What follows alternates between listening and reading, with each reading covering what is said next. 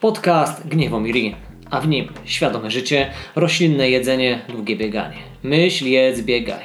To nie boli.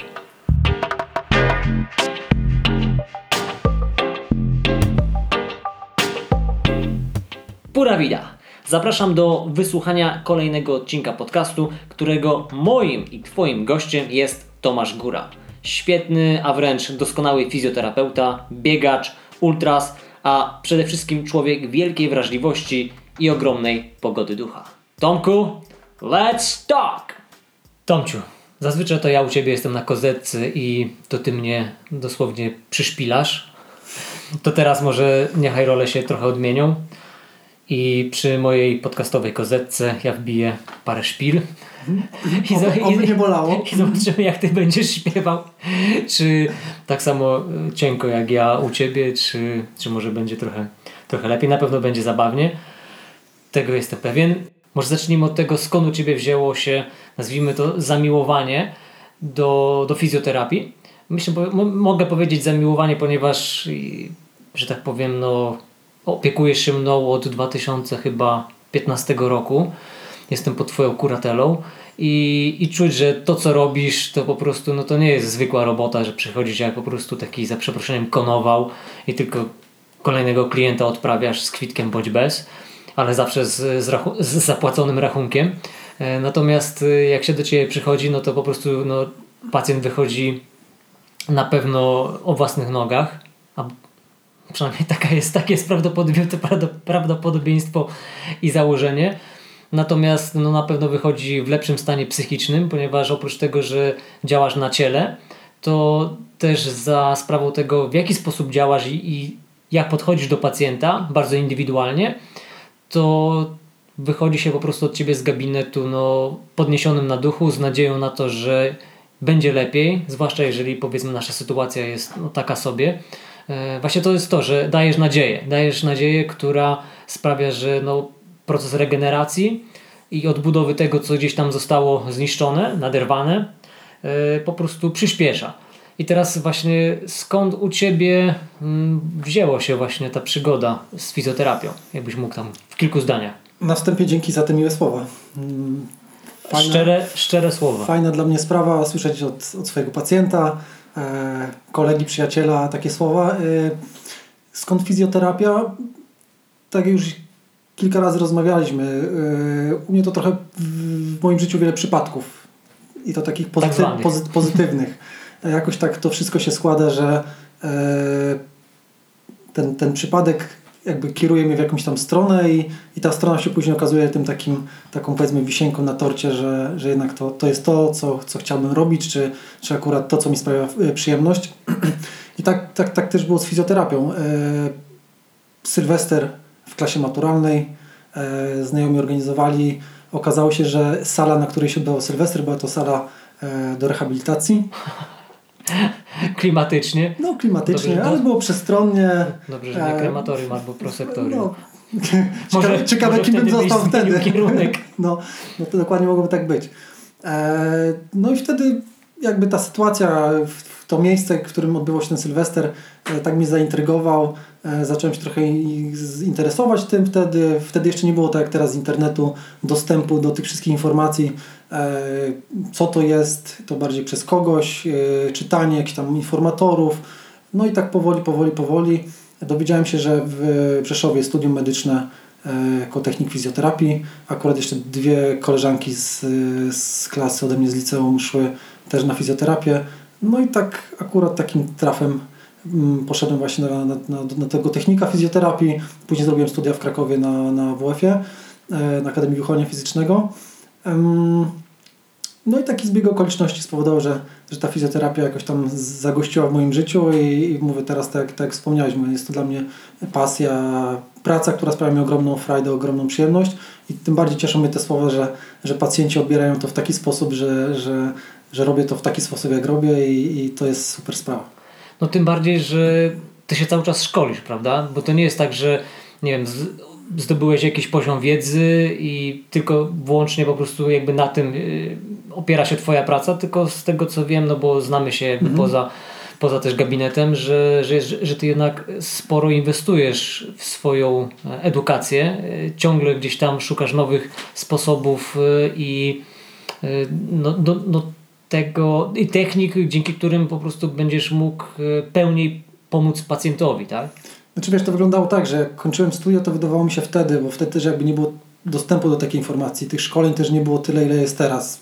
Tak naprawdę no, porównywanie tamtego okresu, czyli powiedzmy te lata 2000, e, 2005, gdzie chodziłem do studium i, i, i później na studia do Krakowa, e, to teraz to jest przepaść. No, pod kątem się. wiedzy, technik, metod stosowanych w fizjoterapii. Coś tam się zaczynało, ale wtedy jak kończyłem studia, wydawało mi się, że te studia dają już taką wiedzę, że jestem kurde mistrz świata, bo, bo skończyłem studia i, i, i, będę teraz, wiesz, rehabilitował wszystkich i będę miał super efekty. E, I tak naprawdę później e, w miarę pracy w gabinecie, a akurat tak się zdarzyło, że zaraz po studium medycznym otworzyliśmy e, gabinet z moimi wspólnikami, no już zdobywaliśmy tą praktykę, wiedzę taką praktyczną, wykorzystując pracę w gabinecie. No i później po studiach akurat gdzieś tam się trafiła okazja pojechać na pierwsze szkolenie, no jak wszyscy chyba wiedzą, przynajmniej fizjoterapeuci, którzy jeżdżą na szkolenie, że jak się zacznie, e, to później skończyć. trochę jest skończyć, no bo im głębiej w las, tym coraz ciemniej. E, Im wydaje się, że więcej wiesz, to kolejny pacjent trafia do gabinetu i okazuje się, że kurczę, jeszcze czegoś brakuje. Mhm. E, no i też kwestia szukania swojej ścieżki, bo tych metod jest tak dużo na rynku szkoleń fizjoterapeutycznych, że tak naprawdę no, nikt nie wie, co akurat mu będzie odpowiadało z czym się będzie najlepiej czuł. I tak każdy jakby szuka trochę tej, tej mhm. swojej drogi. I tak samo ja szukałem przez pryzmat tych różnych szkoleń, e, zdobywałem tą wiedzę, weryfikowałem w gabinecie, pewne rzeczy mi odpowiadały, pewne mi mniej odpowiadały, pewne mi się sprawdzały w, gabinecie, miałem efekty terapeutyczne, inne, inne mniej. No i tak myślę, że w tym momencie już tak chyba już wiem, e, co chcę robić i wiem, w jakim kierunku się e, poruszać, a też jest tak, że pomimo zrobienia tych wielu szkoleń, e, a było już sporo ich, także i tak dalej przyjdzie do Ciebie taki pacjent, któremu nie jesteś w stanie pomóc. Mhm. E, I tak naprawdę czasami mnie to też śmieszy, jak słyszę od niektórych terapeutów takie, takie słowa, że mają super efekty, wszystkim pomogą i tak dalej, bo tak naprawdę nie jest. No, ciało człowieka jest tak skomplikowane, że y, nie ma jednej wybranej ścieżki, że to mhm. zastosujemy i to nam zadziała.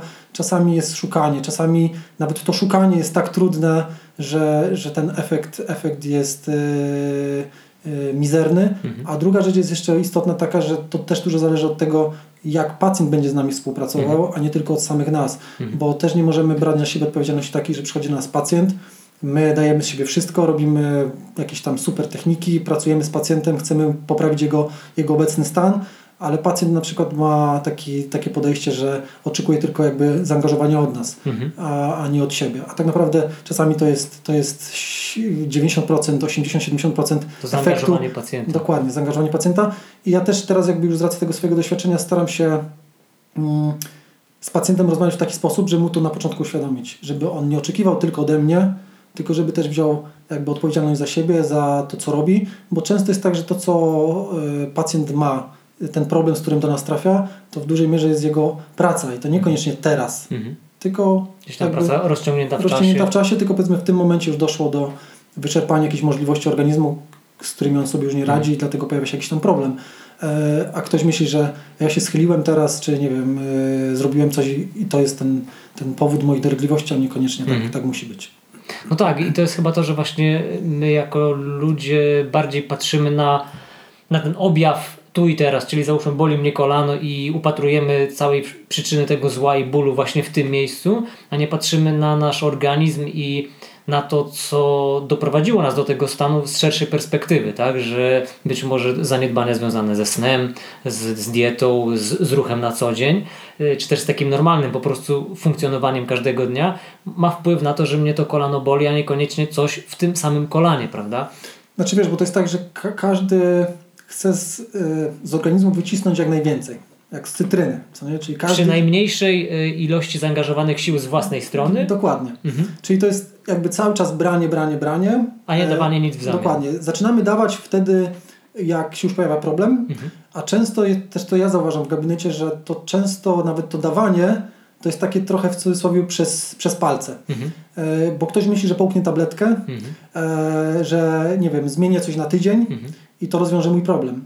No niestety tak to nie działa. No bo jeżeli często pracujemy na dany problem przez 5-10 lat, to później nie możemy oczekiwać, że w ciągu dwóch tygodni, tak. miesiąca się zmieni wszystko i nic mnie nie będzie bolało, będę mógł dalej robić to samo. Często jeszcze nie zmniejszając w ogóle e, obciążenia swojego organizmu w tym danym mhm. momencie, mhm. bo też musimy zwrócić na to uwagę, że wielu pacjentów oczekuje cudownego efektu w gabinecie, nie, zmi- tak, nie zmieniając nic jakby w swoim postępowaniu, tak jak mhm. wspomniałeś e, dieta, nawyki, czy nawyki odży- mhm. w odżywianiu, czy ten sen, który, mhm. który jest istotny, żeby się regenerować, czy w ogóle odpoczynek jakikolwiek, aktywność ruchowa na co dzień.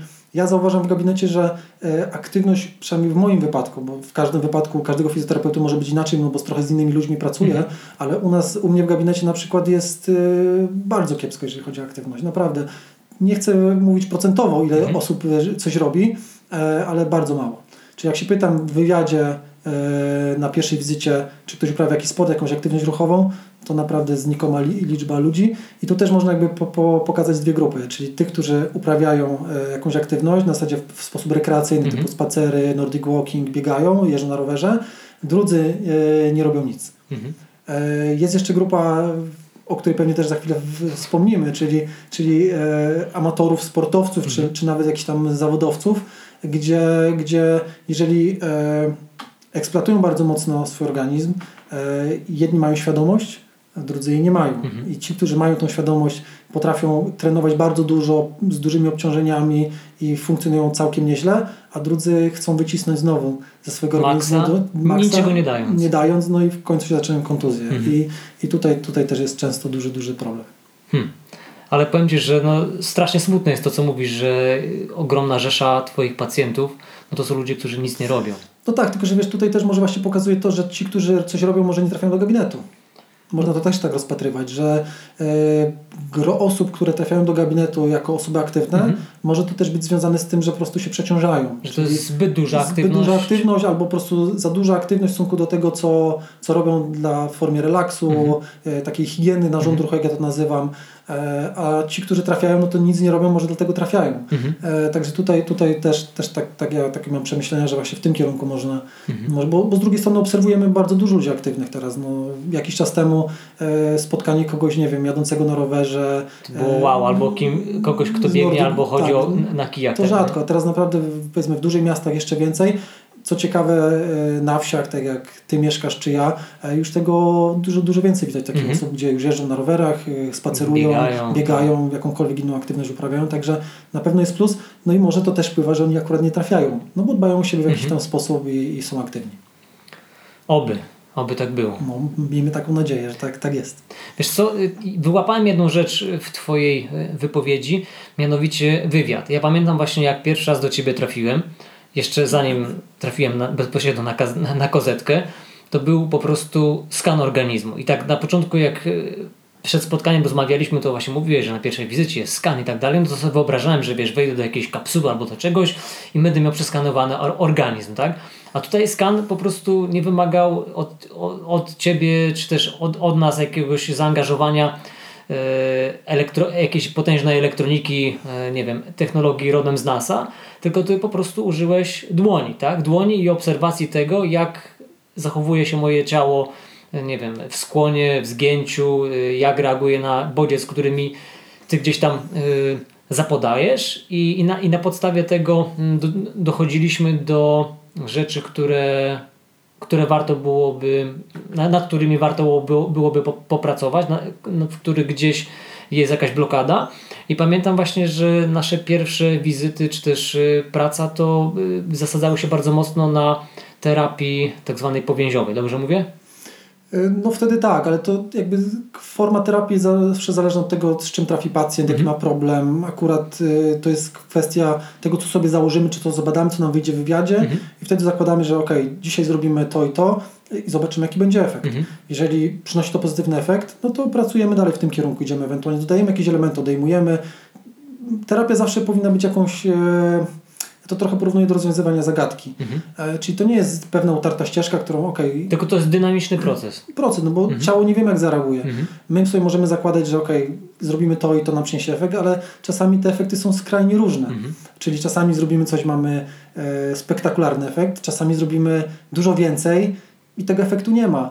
Z, tych zależnych jest bardzo dużo. Tych czynników, które wpływają na proces terapeutyczny jest, jest ogrom i tutaj nie ma jednej wybranej ścieżki, jednej wybranej techniki, że zrobimy to u pacjenta mhm. i, i to zadziała. Dlatego bardzo ważną rzeczą jest e, wywiad, mhm. przede wszystkim na początku, czyli rozmowa z pacjentem, e, dowiedzenie się czy ten skan taki powiedzmy, tak? No, taki, taka, taka szczegółowa rozmowa mhm. pod kątem tego, z czym pacjent do nas trafia, jakie ma problemy, od kiedy one trwają, e, co nasila objawy, mhm. co je likwiduje, bo to są wszystko informacje, które mają nam pomóc podjąć decyzję, e, jakie później będzie dalsze badanie. No i na podstawie tego wywiadu określamy sobie, że powiedzmy pacjent trafia, trafia z jakimś tam problemem, no i później dobieramy do tego odpowiednie testy, oceniamy jak się, jak się pacjent porusza w pewnych testach funkcjonalnych, badamy sobie tego mhm. pacjenta, no i później do tego dobieramy e, jakąś formę terapii. Mhm. E, no i czekamy na ten efekt, czyli robimy tą terapię, weryfikujemy na bieżąco, czy coś nam się zmienia. E, czasami będzie to większy efekt, czasami będzie mniejszy. No i później na bieżąco weryfikujemy. No i oczywiście po skończonej wizycie oceniamy, co udało nam się osiągnąć. No i pacjent dostaje zalecenia do domu w celu wykonywania pewnych, y, pewnych ćwiczeń, pewnych y, z, mm, zadań ruchowych, które mają zmienić jego nawyki. Mhm. E, uświadamiamy pacjenta, żeby e, zwrócił uwagę na pewne rzeczy, których nie powinien robić, żeby nie stymulował sobie tego problemu, z którym do nas trafił. No i po, po tygodniu, bo tak przeważnie pracujemy, czyli raz w tygodniu z pacjentem się widuje w gabinecie, no chyba, że jest to pacjent y, bólowy w stanie ostrym, gdzie chcemy te dolegliwości trochę szybciej z, zlikwidować u niego i wymaga troszkę innego sposobu to pracy, no to powiedzmy dwa razy w tygodniu. Mhm. Docelowo później przechodzimy do, do raz w tygodniu. No i tak to wygląda. I po tygodniu weryfikujemy, co nam się udało osiągnąć, wtedy y, pacjent zgłasza, ok, jest poprawa, idziemy w tym kierunku, dodajemy pewne elementy, pewne elementy zmieniamy. U pacjenta, którego na przykład efekt jest e, kiepski albo go nie ma, bo też tak czasami się zdarza, no to musimy zweryfikować naszą hipotezę, czy problem nie jest inny, ewentualnie odesłać pacjenta na badania obrazowe, jeżeli ich nie miał e, wcześniej, wcześniej e, bo pewne rzeczy też nie możemy wykluczyć, nie mamy rentgena w rękach. Mhm. E, no i tutaj powiedzmy pewne rzeczy nie wolno przeoczyć, żeby tak naprawdę nie zaszkodzić pacjentowi, bo naszym celem jest to, żeby temu pacjentowi pomóc e, i nie możemy brać odpowiedzialności, że jesteśmy e, naszymi rękami na wszystkie dolegliwości pacjenta pomóc. Mhm. No bo niestety tak nie jest, no bo są czasami sytuacje, gdzie, gdzie pacjent trafia z takim problemem, że musimy go odesłać do kogoś innego i, i to też jest odpowiedzialność na to, żeby pewne rzeczy nie przeoczyć. Bo problem może być gdzieś indziej. Dokładnie, może być gdzieś indziej, może być problem, którym się nie powinniśmy zajmować. Mhm. E, no i tutaj chodzi też o to, żeby tego pacjenta pokierować, bo, bo też są takie sytuacje, kiedy trafia do nas pacjent i na przykład wiem, że to nie jest moja działka, którą się ja nie zajmuję akurat, e, czy, czy powiedzmy pacjent neurologiczny, z którym ja, ja nie pracuję, no to po prostu mam zaufane osoby, do których mogę, mogę go odesłać, mogę polecić kogoś, czy jeżeli nawet nie mam takiej osoby, no to szukam dla tego pacjenta takiego rozwiązania, żeby dać pacjentowi ten namiar, gdzie, gdzie może się udać i wie, że tam będzie potraktowany w odpowiedni sposób i ktoś mu tam pomoże, no bo tak naprawdę chodzi o pomoc dla pacjenta i, i jakby też do nas przychodzą różni pacjenci, bo to nie są tylko młode osoby, sportowcy, no tak. tylko są osoby starsze, są osoby, e, które, które na przykład mają jakieś problemy e, trwające dużo lat. Mhm. No i tutaj kwestia zareagowania w odpowiedni sposób. Czyli to, co jest dla mnie, ok, ja się tym zajmuję, mówię otwarcie, że w tym kierunku popracujemy, będzie to wyglądało tak i tak. Ktoś podejmuje decyzję, czy chce ze mną współpracować, bo to też jest istotne, ten y, kontakt z pacjentem, to co mm, pacjent y, odbiera na wizycie, ma też duże znaczenie y, w stosunku tego powrotu do, do sprawności, do zdrowia. Czyli to, o czym mówiłem na samym początku. Dokładnie, no bo tak naprawdę to zaufanie do terapeuty, to tak samo jak ja bym poszedł do kogoś. Jeżeli mam do kogoś zaufanie, to automatycznie będzie mi się lepiej z nim współpracowało. Będę ja też się czuł, że chcę się zaangażować w ten proces, bo, bo ten gość daje od siebie wszystko. E, no to ja też oczekuję od siebie wtedy więcej, no bo chcę, chcę ten efekt uzyskać. Jeżeli będę widział, że ktoś czaruje, opowiada jakieś bajki, to raczej sam będę bym miał pewnie takie podejście, że nie za bardzo bym się mógł zaangażować w ten mhm. proces. A chodzi o e, tak naprawdę pomoc pacjentowi. No. To teraz odpowiedziałeś sobie na pytanie, dlaczego ja czasami mówię, że ty jesteś dla mnie jak amol dla starszych ludzi. że, Miło to słyszeć. No naprawdę, już kilka razy było tak, że no, niekoniecznie miałem problem natury fizjologicznej, ale coś się działo z ciałem i nie wiem czy pamiętasz, ale dzwoniłem raz czy dwa do Ciebie z pytaniem, co to mogłoby być, no bo mam do Ciebie takie zaufanie, że wiem, że Ty będziesz w stanie, y, może nie tyle Ty bezpośrednio mi pomóc, ale odesłać właśnie mnie do kogoś, kto, kto udzieli mi fachowej po prostu jakiejś, nie wiem, y, diagnozy, jakiejś oceny mojej sytuacji i wskaże dalszą drogę, więc y, no to, to też o czymś świadczy, tak? Znaczy wiesz, to co teraz wspomniałeś, to się bardzo jakby mocno potwierdziło w trakcie kwarantanny no bo my jako fizjoterapeuci mieliśmy e, obowiązek zamknięcia gabinetów, nie pracowaliśmy od, od, e, od 16 marca i liczba pacjentów, którzy się ze mną kontaktowali w trakcie tej kwarantanny, gdzie właśnie potrzebowali porady, co mogą zrobić, E, czasami nawet to dobre słowo, żeby się nie przejmowali tym, że akurat tych dolegliwości, no bo byłem w stanie jakby z wywiadu określić, z czym jest problem, mhm. E, że okej, okay, mogą z tym poczekać, e, czy ewentualnie mogłem im coś podpowiedzieć, co mogą sami spróbować mhm. zrobić, żeby sobie pomóc, no bo jednak leczenie przez telefon, przez internet no jest ciężko. No ma swoje ograniczenia. No ma swoje ograniczenia. I to bardzo duże. No, tym bardziej jakby w naszym zawodzie, gdzie tak naprawdę manualnie dużo rzeczy no, robimy. No, możemy ocenić funkcjonalnie, możemy zrobić pewne testy, E, pomóc pacjentowi na zasadzie właśnie jakiejś informacji, że spróbuj porobić dzień, dwa, skontaktuj się ze mną, mhm. zobaczymy jak to się zmienia. Mhm. No i, i takim, chociaż mówię, tu też jest trochę z drugiej strony taka mm, takie niebezpieczeństwo, że przeoczymy pewne rzeczy. Mhm. E, I tak naprawdę miałem taki ciekawy przypadek właśnie w sytuacji e, tej, tej, o której wspominałem, tej kwarantanny, gdzie, gdzie pacjent, pacjent e, no, jakbyśmy przeoczyli pewną rzecz, no to mogłoby być ciekawe. Także, także tutaj akurat się udało to, to zdiagnozować. Oczywiście przyszły z pomocą badania diagnostyczne, no bo czasami mówię, trzeba je zrobić i tu nie ma innego wyjścia. No nie, nie wiemy wszystkiego, nie jesteśmy wszystkiego w stanie zbadać, a nawet jak przypuszczamy coś, no to powinniśmy to potwierdzić lub wykluczyć e, badaniami. Powiem tak, jak słucham to, jak ty opowiadasz o, o waszej pracy i o waszym podejściu, w waszym gabinecie, no to brzmi to jak utopia zwłaszcza jeżeli zestawimy to z Polską Służbą Zdrowia. Nie mówię o lekarzach, chociaż to też się gdzieś z nimi wiąże, ale taki przypadek y, mojej mamy sprzed dosłownie kilku dni. Y, na spacerze złamała kostkę. Okazało się. Wylądowała w szpitalu. No, szpital szybko ją poskładali, odesłali do domu, ale nie chcieli jej dać w żaden sposób płytki y, ze zdjęciem z, z RTG. Całe szczęście ktoś z rodziny od nas pracuje w szpitalu w mieście obok, telefon i udało się zdobyć nagranie e, ze zdjęciem RTG no i się okazało, że ma, ma tak pogruchotaną nogę, z, z kostkę złamaną z dwóch stron bodajże, z jakimiś tam przemieszczeniami, więc następnego dnia z powrotem do szpitala rozwalanie tamtego gipsu, e, znieczulenie w kręgosłup, e, no i poważna operacja, chyba ze dwie śruby, jakieś druty i tak dalej. No i teraz, wiesz, Twoje podejście, gdzie, czy też Wasze w Waszym e, e, gabinecie, w waszym gabinecie e, zestawione z podejściem lekarza, który po prostu no, widział to zdjęcie, tak? widział co jest, ale nie zobaczył tego, co zobaczył inny lekarz i no i nie, nie, nie wiem, jakby się to mogło y,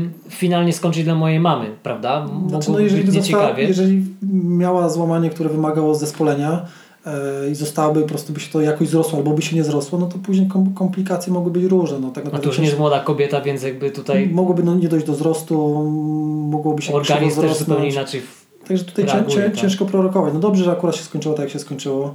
E, no tutaj jak w każdym zawodzie, no trafiamy na kogoś e, odpowiedzialnego, czasami trafiamy na kogoś nieodpowiedzialnego, czasami trafiamy na osobę, która e, lubi swoją pracę i wykonuje ją najlepiej jak potrafi, czasami trafiamy na kogoś, kto nie za bardzo chce robić to, co mhm. robi, albo po prostu już nie za bardzo mu się chce i, i podchodzi na zasadzie następny, następny, następny.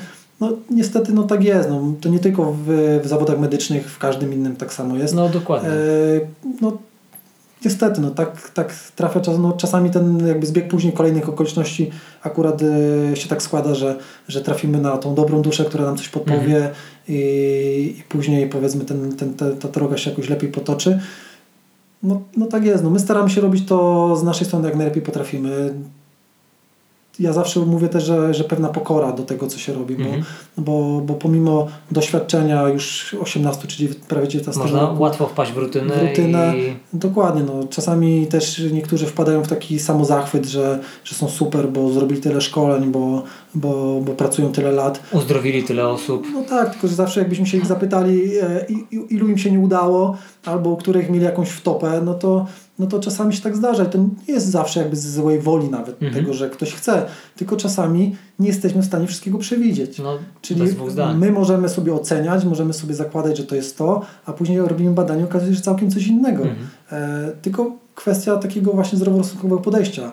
E, sprawdź, zweryfikuj, oceń, a jeżeli to nie działa, no to się zastanów dlaczego mhm. i ewentualnie podejmij jakieś inne działania, żeby, żeby pomóc, no bo tutaj nie ma, nie ma jednego rozwiązania. Pokora, myślę, że to jest słowo klucz. No to, to akurat w zawodach medycznych yy, bardzo ważne słowo i e, takie właśnie dwa, pokora i empatia, to, to moim zdaniem takie... Tym bardziej, że właśnie tak mi się trochę wydaje, że zawód właśnie związany gdzieś tam z, z pomocą człowiekowi takim bezpośrednim w jego zdrowiu cielesnym yy, trochę zahacza o, o poczucie boskości w pewnym sensie i tak jak mówisz, jak nie ma tej pokory i mamy to takie, wiesz poczucie tego boskiego majestatu, wiesz, bo uleczyliśmy, wiesz, uzdrowiliśmy wręcz i tak dalej, to jest to ryzyko właśnie popadnięcia w ten sam zachwyt i dalej właśnie nie, to rutyna i tak dalej, i tak dalej. Znaczy A... wiesz, no to jest tak, że na pewno to wszystko, wszystko się zmienia w, w trakcie pracy, zdobywania doświadczenia, bo to jakby te lata, które upływają mogą pójść w, dwa, w dwie strony. Mhm. W jeden właśnie ten sam zachwyt, że jak ja jestem dobry, bo mam tyle lat doświadczenia, bo przy, pracowałem z pacjentami, miałem takie efekty i tak dalej, ale może też pójść w drugą stronę. Że, że ten... Yy, yy, z brakiem wiary w siebie i w swoje umiejętności? No to kwestia też jakby tych efektów, które osiągamy. Mhm bo czasami jest tak, że te efekty będą cię stymulowały do tego, że chcesz się jeszcze bardziej rozwijać, mhm. ale możesz też jakby pójść w drugą stronę, że Osiąść na, na, na, laurach, mhm. albo powiedzmy jakieś tam porażki, które powiedzmy, czy nie udało Ci pomóc pacjentowi, no to mogą też spowodować to, że nie będziesz miał jakby motywacji do tego, żeby się, mhm. się dalej rozwijać mhm. I, i to też mówię, no, albo to wypalenie zawodowe takie, gdzie jest stwierdzasz, kurczę, no nie wiem, czy to jest dla mnie, czy ja to chcę robić i tak dalej. Także tu też trzeba jakby na bieżąco sobie to, to na to odpowiedzieć co mi sprawia przyjemność i, i, czy ta praca akurat daje mi satysfakcję, bo jeżeli ja coś robię, to yy, też ten pacjent będzie to czuł, że ja to robię yy, jakby sercem, że staram się robić to najlepiej, żeby mhm. właśnie jemu, jemu pomóc. Wiesz co, teraz takie pytanie przyszło mi do głowy, bo tak jak jest zawód y, psychoterapeuty, no to generalnie psychoterapeuci mają swoich superwizorów, czyli mają superwizję. Co jakiś, co jakiś czas spotykają się z kimś, kto jest nad nimi i rozmawiają właśnie o przypadkach e, swoich pacjentów. To nie chodzi o to, żeby obgadywać pacjentów, tylko po prostu no, dość często jest tak, że e, słuchając tych przedziwnych historii, bierzesz je na siebie, zwłaszcza jeżeli gdzieś tam dotykają czołych strun z Twojego życia. E, I, i, I to jest bardzo obciążające, więc jakby ta superwizja to jest trochę taki zrzut systemu i też pomoc osoby trzeciej, spojrzenia Ci na tą sytuację z odpowiedniej perspektywy. Tak? No i teraz pytanie właśnie, czy Wy jako fizjoterapeuci macie też jakby w swoim kręgu taką osobę, taką superwizora, czy, czy taka instytucja w ogóle istnieje? Nie, no u nas... Znaczy, no bo to może znaczy, też... Nie wiem, no ja, ja się z tym nie spotkałem.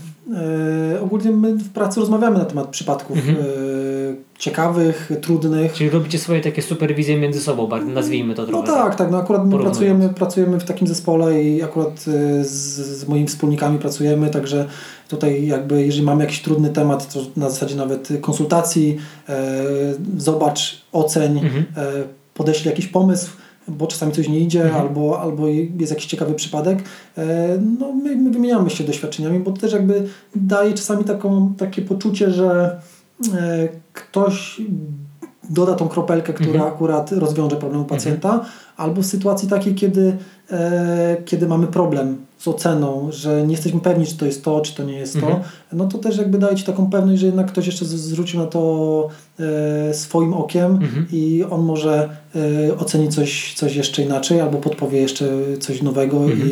i, i, i to po prostu będzie ta rzecz, która, która jakby pozwoli temu pacjentowi wrócić do, do Czasami jakieś jedno zdanie potrafi naprowadzić na właściwe rozwiązanie. No dokładnie, albo czasami powiedzmy w tym, w tym natłoku informacji gdzieś tam coś umknie, jak mhm. ktoś na to zwróci uwagę, albo mhm. po prostu akurat w tym momencie o tym nie pamiętasz, a a ktoś powie to słowo jedno i mówi, o, pyk, i już mhm. wiemy, że rzeczywiście, no ja bym też poszedł w tym kierunku. W tym kierunku co nie? Mhm. Także tutaj na pewno i to też fajna rzecz, że nawet później jak rozmawiamy nawet e, pod kątem tego, co spotyka w gabinecie, bo czasami są takie naprawdę ciekawe przypadki, e, to później powiedzmy za jakiś czas trafia kolejny pacjent i tam masz gdzieś tą, tą informację, że coś takiego było i już też jakby pod tym kątem możesz na to zwrócić uwagę, co nie? że kolega powiedział, że miał coś takiego, mhm.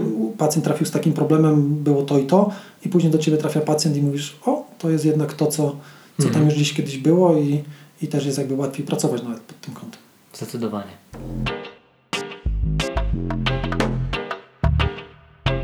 Wspomniałeś coś o ciekawych przypadkach. Czy możesz bez używania oczywiście imion, nazwisk i tak, żebyśmy się w ogóle nie połapali, o kogo to może chodzić, nie wiem, zapodać jakiś taki naprawdę przypadek, który siedzi ci z tyłu głowy i po prostu rozwiązanie było tak nieoczywiste, a zastosowanie, nie wiem, jakiejś konkretnej terapii sprawiło, że no nie wiem, pacjent rzeczywiście no, dostał nowe życie. Znaczy, Czy miałeś taką sytuację? Co, no, takich przypadków jest i, i to tak z, z, z, różnej perspektywy można na te, na te ciekawe przypadki popatrzeć, bo na przykład e, m, przypadek y, ostatnio pacjentki, która e, trafiła do mnie z bólem kręgosłupa lędźwiowego, e, dolegliwości jakby promieniujące do nóg, miała zdiagnozowana jakąś tam przepuklinę, mhm. e, i tak te objawy były trochę takie niespecyficzne. Podejrzewaliśmy, że to może być nie od kręgosłupa, że to może być problem naczyniowy, no ale miała akurat ta pacjentka zrobione badania e, naczyń kończyn dolnych i okazało się, że tam nic nie ma, wszystko jest w porządku. Mm, po czym trafiła do lekarza, została podjęta decyzja operacji, e, trafiła na stół, e, zoperowana, e, po czym okazało się, że efektu brak czyli żadnej zmiany Masakra. E, no, nie została niestety uzyskana po, po, po tym zabiegu operacyjnym. E, no i ostatnio akurat się z nią kontaktowałem, znaczy ona ze mną w sumie się kontaktowała, rozmawialiśmy na ten temat. Okazało się, że trafiła jeszcze do innego lekarza, który, który zrobił ponowne badanie naczyń. Okazało się, że jednak te naczynia nie wyglądają tak, jak, jak powinny i okazało się, że tętnice są zatkane na, na dość dużym odcinku e, bardzo poważnie i, i tak naprawdę to rozwiązało zagadkę. Mhm. No i tak tutaj jakby sama ta sytuacja, gdzie wcześniej badanie było robione i my nie mamy pewności, kto je robił, e, jak je zrobił, co dokładnie zostało ocenione, chociaż opis jest, ale mhm. to z tymi opisami to też różnie bywa. Mhm. I, I tutaj się okazało, że albo ktoś coś przeoczył, albo po prostu się na tym nie znał w takim stopniu, jak powinien i zrobił to po prostu kiepsko. No i przez to tak naprawdę została ta pani zoperowana, e, a okazało się, że zrobili jej zabieg, e, wstawili stenta do, do tętnicy i, i dolegliwości, dolegliwości ustąpiły. Także hmm. tutaj pokazuje to, jak, jak bardzo łatwo można coś przeoczyć, hmm. pomimo tak naprawdę badań. Czyli teoretycznie badania były, tylko już Cię to sugeruje, kieruje w tym kierunku, że jak jest zrobione, jest czysto, no to nie no, może być no problemu. dokładnie. A, a jak pokazuje ta sytuacja, może być. Czy wypadałoby robić badania do badań, albo badania nad poprawnością zrobionego badania no, i to też nie masz tak naprawdę 100% pewności, że... Znaczy wiesz, no, na pewno miałbyś możliwość, jeżeli tej takiej dużej prawdopodobieństwie, jakbyś sam to zrobił, co nie? Mhm. Ale z badaniami to jest tak, że żadne badanie Ci nie daje 100% pewności, że, że on da Ci wynik powiedzmy potwierdzający czy wykluczający, bo mhm. każde badanie ma jakieś tam ograniczenia w, mhm. w, pod kątem diagnostycznym. E, druga rzecz, kto je robi, mhm. czyli na zasadzie specjalisty, który wykonuje dane badanie, jego umiejętności, doświadczenia, tego jak się do niego przyłoży. Mhm. I tutaj tak naprawdę no, wiele jest możliwości. dużo czynników. Czynników, które... które mogą jakby zaburzyć ten wynik tego badania. Mhm. E, doświadczenia tej osoby, no bardzo, bardzo dużo, także opieranie się na badaniach nie zawsze, nie zawsze jakby jest takim, no, taką e, rzeczą, która nam daje pewność, że rzeczywiście jest to, co jest. My dalej nie możemy... Nie jest taką wykładnią. No tak, my dalej mhm. musimy pacjenta zbadać, dalej musimy się zastanowić i weryfikować to na bieżąco. Mhm. No bo pewne objawy mówią coś, badanie mówi to samo. Mhm. Okej, okay, jest spójność jakaś, ale czasami jest tak, że badanie mówi coś innego, tak jak u tej pani na przykład, a, a w badaniu niby się okazało, że jest ok, a okazało się, że tak naprawdę nie jest. Także no tutaj, tutaj często. No i ktoś też ją zoperował, czy ktoś ją badał, mhm. nie? czyli był pewny, że problem jest tam, a się okazało, że nie jest. Dlatego tutaj jakby widać, że, że takie sytuacje jest, są, jest dużo i, i trzeba być ostrożnym. Zresztą no, myślę, daleko nie trzeba sięgać. Pamiętam jak Mojego tato coś tam bolało, lekarz postawił diagnozę, że to rwa kulszowa, po czym mówię, tato, jedź do Tomka. Tomek sprawdzi, czy to jest rwa kulszowa i jak będzie, no to też pomoże Ci, jeżeli to będzie rwa kulszowa. No i co okazało się, że to koło rwy nawet nie leżało. Znaczy, I właściwie to... chyba po dwóch sesjach y, funkcjonował tak jak... Ustąpiło, tak, ale wiesz co, ale to z tymi rwami kulszowymi to jest taki, taka bardzo częsta sprawa w gabinecie, Aha. gdzie często przychodzą pacjenci, którzy mają teczkę badań, e, mówią, że mają rwę kulszową, a tak naprawdę się okazuje, że to nie jest rwa kulszowa, mhm. e, albo po prostu e, ten stan się już na tyle poprawił, że akurat w tym momencie, kiedy trafili do gabinetu, już, już, już tego, tego do końca nie wiem, mhm. jak, jak to wyglądało przez ten okres czasu. Możemy tylko przypuszczać, no ale też często się zdarza tak, że pacjent trafia i mówi, że, że mam rwę kulszową, Pytam się, a były jakieś badania, e, lekarz e, pana, panią badał, okazuje się, że nie.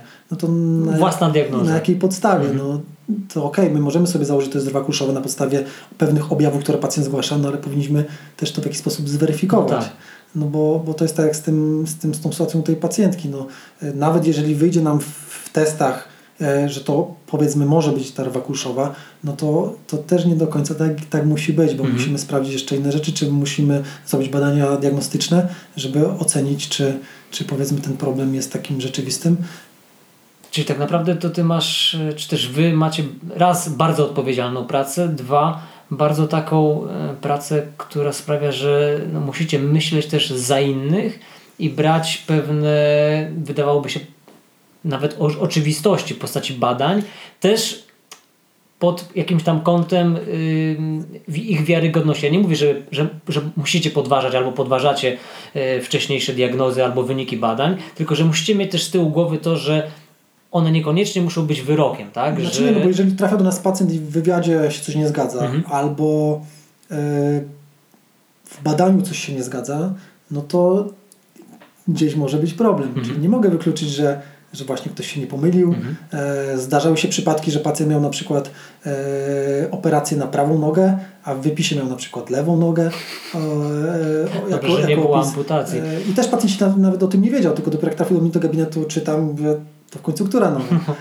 Czy to mówię, już sytuacje takie, takie no, które wydawałoby się, albo na przykład ostatnio miałem pacjentkę, która trafiła do mnie z problemem kręgosłupa szyjnego, a w opisie miała napisany kręgosłup lędźwiowy nie jakby w całym opisie, no tak. ale, ale się trafiało tam, czyli ktoś na zasadzie kopiuj w klej e, ominął powiedzmy pewne, no i teraz wtedy nie wiemy, czy ktoś to zrobił kopiuj w klej no. i, i, się w ogóle wszystko, nic się nie zgadza, czy się nie zgadza tylko ten fragment, tak. czy, czy ktoś opisał wszystko, a dodał sobie powiedzmy, czy zostawił jakiś tam fragment, bo tego nie wiemy, także to już też jakby nie zwalnia nas z tego, że no, trzeba cały czas myśleć, zwracać uwagę, żeby pewnych rzeczy nie przeoczyć, bo, bo tak naprawdę no, nie wiemy, no, nie mamy tej pewności, dopóki sami tego nie zrobimy, to, to nie wiemy, co ktoś robi. To tak samo jak trafia do nas pacjent od innego terapeuty. Mhm. Ja osobiście nie pracuję z pacjentami, którzy byli, nie wiem, dzień wcześniej czy dwa dni wcześniej u kogoś. No tak. No bo po pierwsze, nie wiemy, co ktoś ta osoba robiła. Efekt pozabiegowy może być odleczony w czasie. W czasie. Mhm. E, to tak trochę jakby w ramach własnego bezpieczeństwa nie chcę wchodzić na, na, no tak. na taki grzę, grzęski teren, gdzie,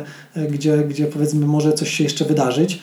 E, dlatego wtedy bezpiecznie jest odczekać te kilka dni, zobaczyć jak pacjent się czuje i tak dalej. A druga sprawa też takim kątem, że jeżeli ktoś coś zrobił, no to ten efekt może jeszcze nastąpić. Mhm. To, to po co robić coś już? Poczekajmy. Dwa, trzy dni, tydzień, zobaczymy, co się będzie działo i wtedy możemy reagować. No, z drugiej strony też kwestia, czego ktoś szuka terapeuty, e, był kogoś idzie do za dwa dni, czy za dzień idzie do następnego. Co, myślę, myślę dlatego, że wiesz, większość z nas, zwłaszcza w we współczesnym świecie chcemy tego efektu instant, nie? że wiesz, idziesz, albo tabletka, albo wiesz, ktoś coś przyciśnie, przyłoży już i, i już, bam, nie? Tak. przestało boleć, wiesz, mogę chodzić, no skakać, ale, wszystko ale mogę nagle. Ten, ten efekt wow się zdarza w gabinecie, tylko mhm. my sobie też musimy zdać z tego sprawę, że to jest jakby e, zniwelowanie dolegliwości bólowych u pacjenta, to nie jest rozwiązanie problemu. Bo ból się może e, zmniejszyć, pacjent się będzie lepiej czuł, ale powiedzmy uszkodzenie dalej jest, mhm. ale problem dalej jest. Tak. E, czyli pacjent znowu, ok, poprawiło się, no to mogę pójść sobie na grządki, mogę sobie pójść zagrać, pójść pobiegać, no i przychodzi na drugą wizytę i mówi, no dalej mnie boli. Mhm. No to tak nie działa. No, to ale, ciało... co, ale co pan, pani zrobił, zrobiła, tak. żeby dać czas organizmowi na przyjęcie tego, co się wydarzyło od, od strony tej terapeutycznej i na zregenerowanie tego uszkodzenia. Tak, tak ale, ale proces gojenia, gojenia jest, y, no jak sama nazwa mówi, pewnym procesem.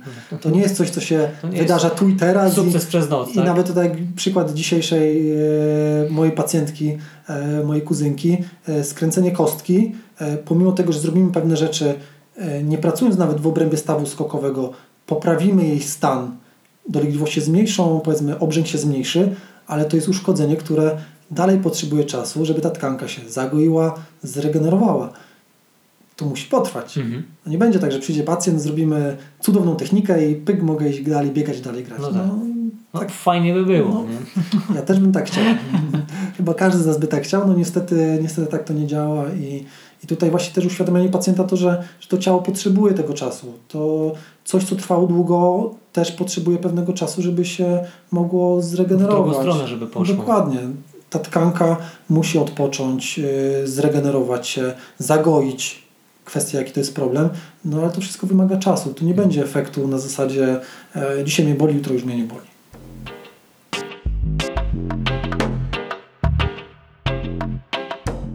Zanim przejdziemy dalej, to ja tak tylko szybko podsumuję, że w moim odczuciu, od kiedy regularnie bywam u Ciebie, a staram się robić to, nie wiem, raz na dwa miesiące najrzadziej, czy też przed jakimiś zawodami i to nie przybywam do Ciebie tylko wtedy, kiedy mnie coś boli, coś dolega, tylko no, to jest taka no, higiena, tak? Tak samo jak, nie wiem, myjemy zęby codziennie, e, kąpiemy się, bądź, bożemy, bądź bierzemy prysznic też, mam nadzieję, chociaż raz dziennie.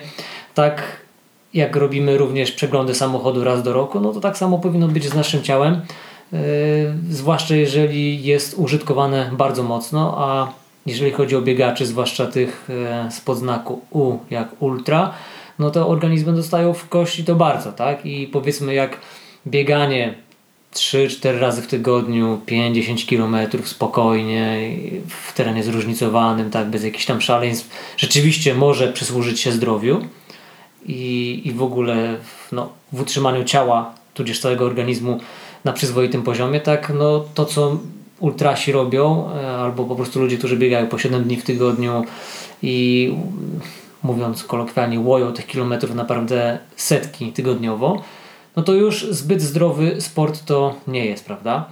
I teraz e, jak ty, no bo z tego co wiem, to do ciebie nie trafiają tylko i wyłącznie właśnie powiedzmy ludzie od lekarza, którzy gdzieś tam, nie wiem, zerwą, nie zerwą tak ze skręconą kostką, tylko też również sportowcy, tak?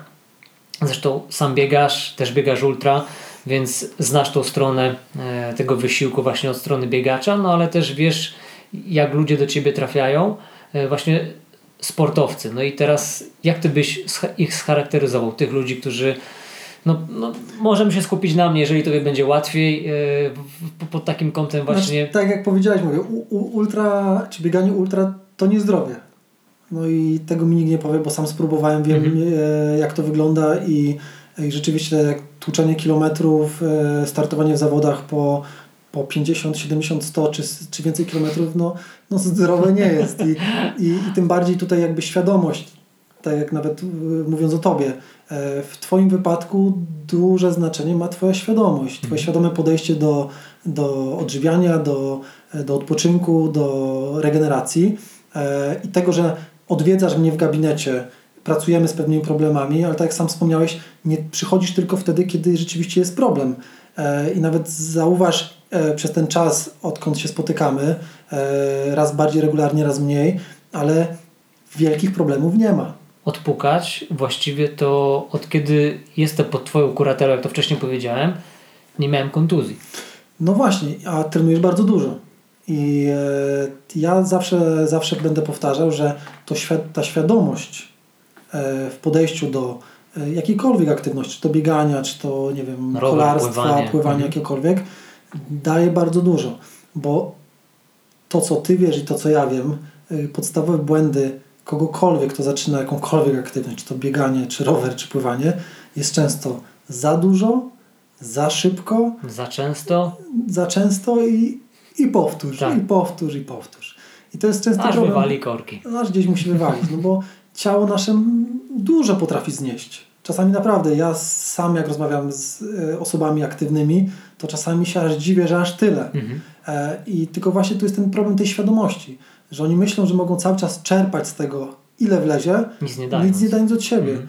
E, I co na przykład ja widzę u biegaczy, częsty problem, to jest to, że jeżeli już się pojawi jakiś problem, jakieś dolegliwości, jakieś tam przeciążenie, to oni najchętniej właśnie by chcieli zrób, a ja sobie pójdę od razu na trening. Tak, nie? najlepiej po, po wizycie, nie? No tak, no bo się lepiej czuję. To znowu przebiorę się i mogę pójść pobiegać. I to jest, i to jest standardowe pytanie, to, to taka, e, taka, można by takie na, na drzwiach powiesić na miejscu, nie? Pierwsze co zrobię po wizycie to pójdę pobiegać. Pójdę pobiegać, czyli czy mogę iść na trening? Ja mówię, no możesz, ale to jest naprawdę bez sensu, bo temu ciału trzeba dać odpocząć. Okej, okay, idź sobie na spacer, e, nie wiem, zmień aktywność, czyli tak. jak biegasz, pójdź na rower, pójdź na basen, mhm. e, odciąż to trochę, czyli żeby cały czas nie używać tego samego, czyli cały czas nie obciążać tych samych struktur, które akurat w tym momencie e, no, powiedziały dość i, i i tyle. Także tutaj, tutaj ta świadomość ma ogromne znaczenie. Dlatego ja przezornie, nim do Ciebie akurat danego dnia przyjadę, to wcześniej robię trening i już po treningu już nie, jadę, już nie mam tego, wiesz, z głowy. No tak, ale też nie trafiasz z takimi problemami, bo mówię, czasami, czasami ktoś trafia z naprawdę dużym problemem tak. i, i pierwsze pytanie po wizycie, czy mogę iść na trening. No, no, no to jest, dla mnie jest dyskomfort no. straszny, no, bo, bo okej, okay, no masz problem, no to zajmij się nim, zrób no. porządek.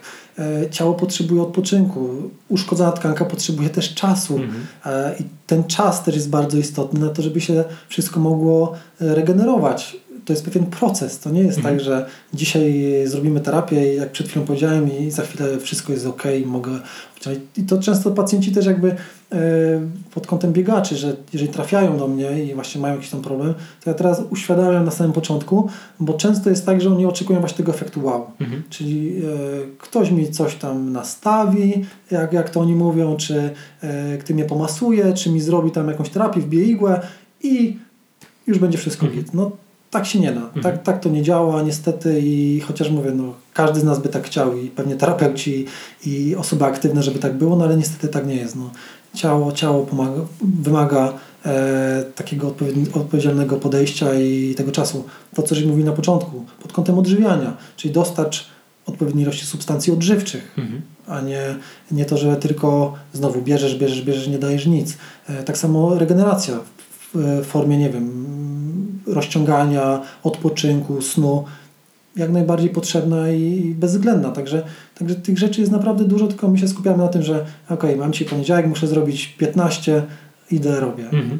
A już najgorszą rzeczą jest wtedy, kiedy rzeczywiście są te dolegliwości już jakieś, a pomimo tego dalej łupiemy, dalej, dalej łupiemy tak. kilometry, no i tak naprawdę to do niczego dobrego nie prowadzi, no bo, bo raczej, raczej jeżeli się coś już pojawiło, to raczej samo, samo raczej nie przejdzie. Tym bardziej, jeżeli nie odpoczywamy. Mhm. A ten odpoczynek też nie daje nam gwarancji, że powiedzmy odpocznę tydzień, dwa miesiące i, i te dolegliwości ustąpią, bo, bo tego też, też nie wiemy.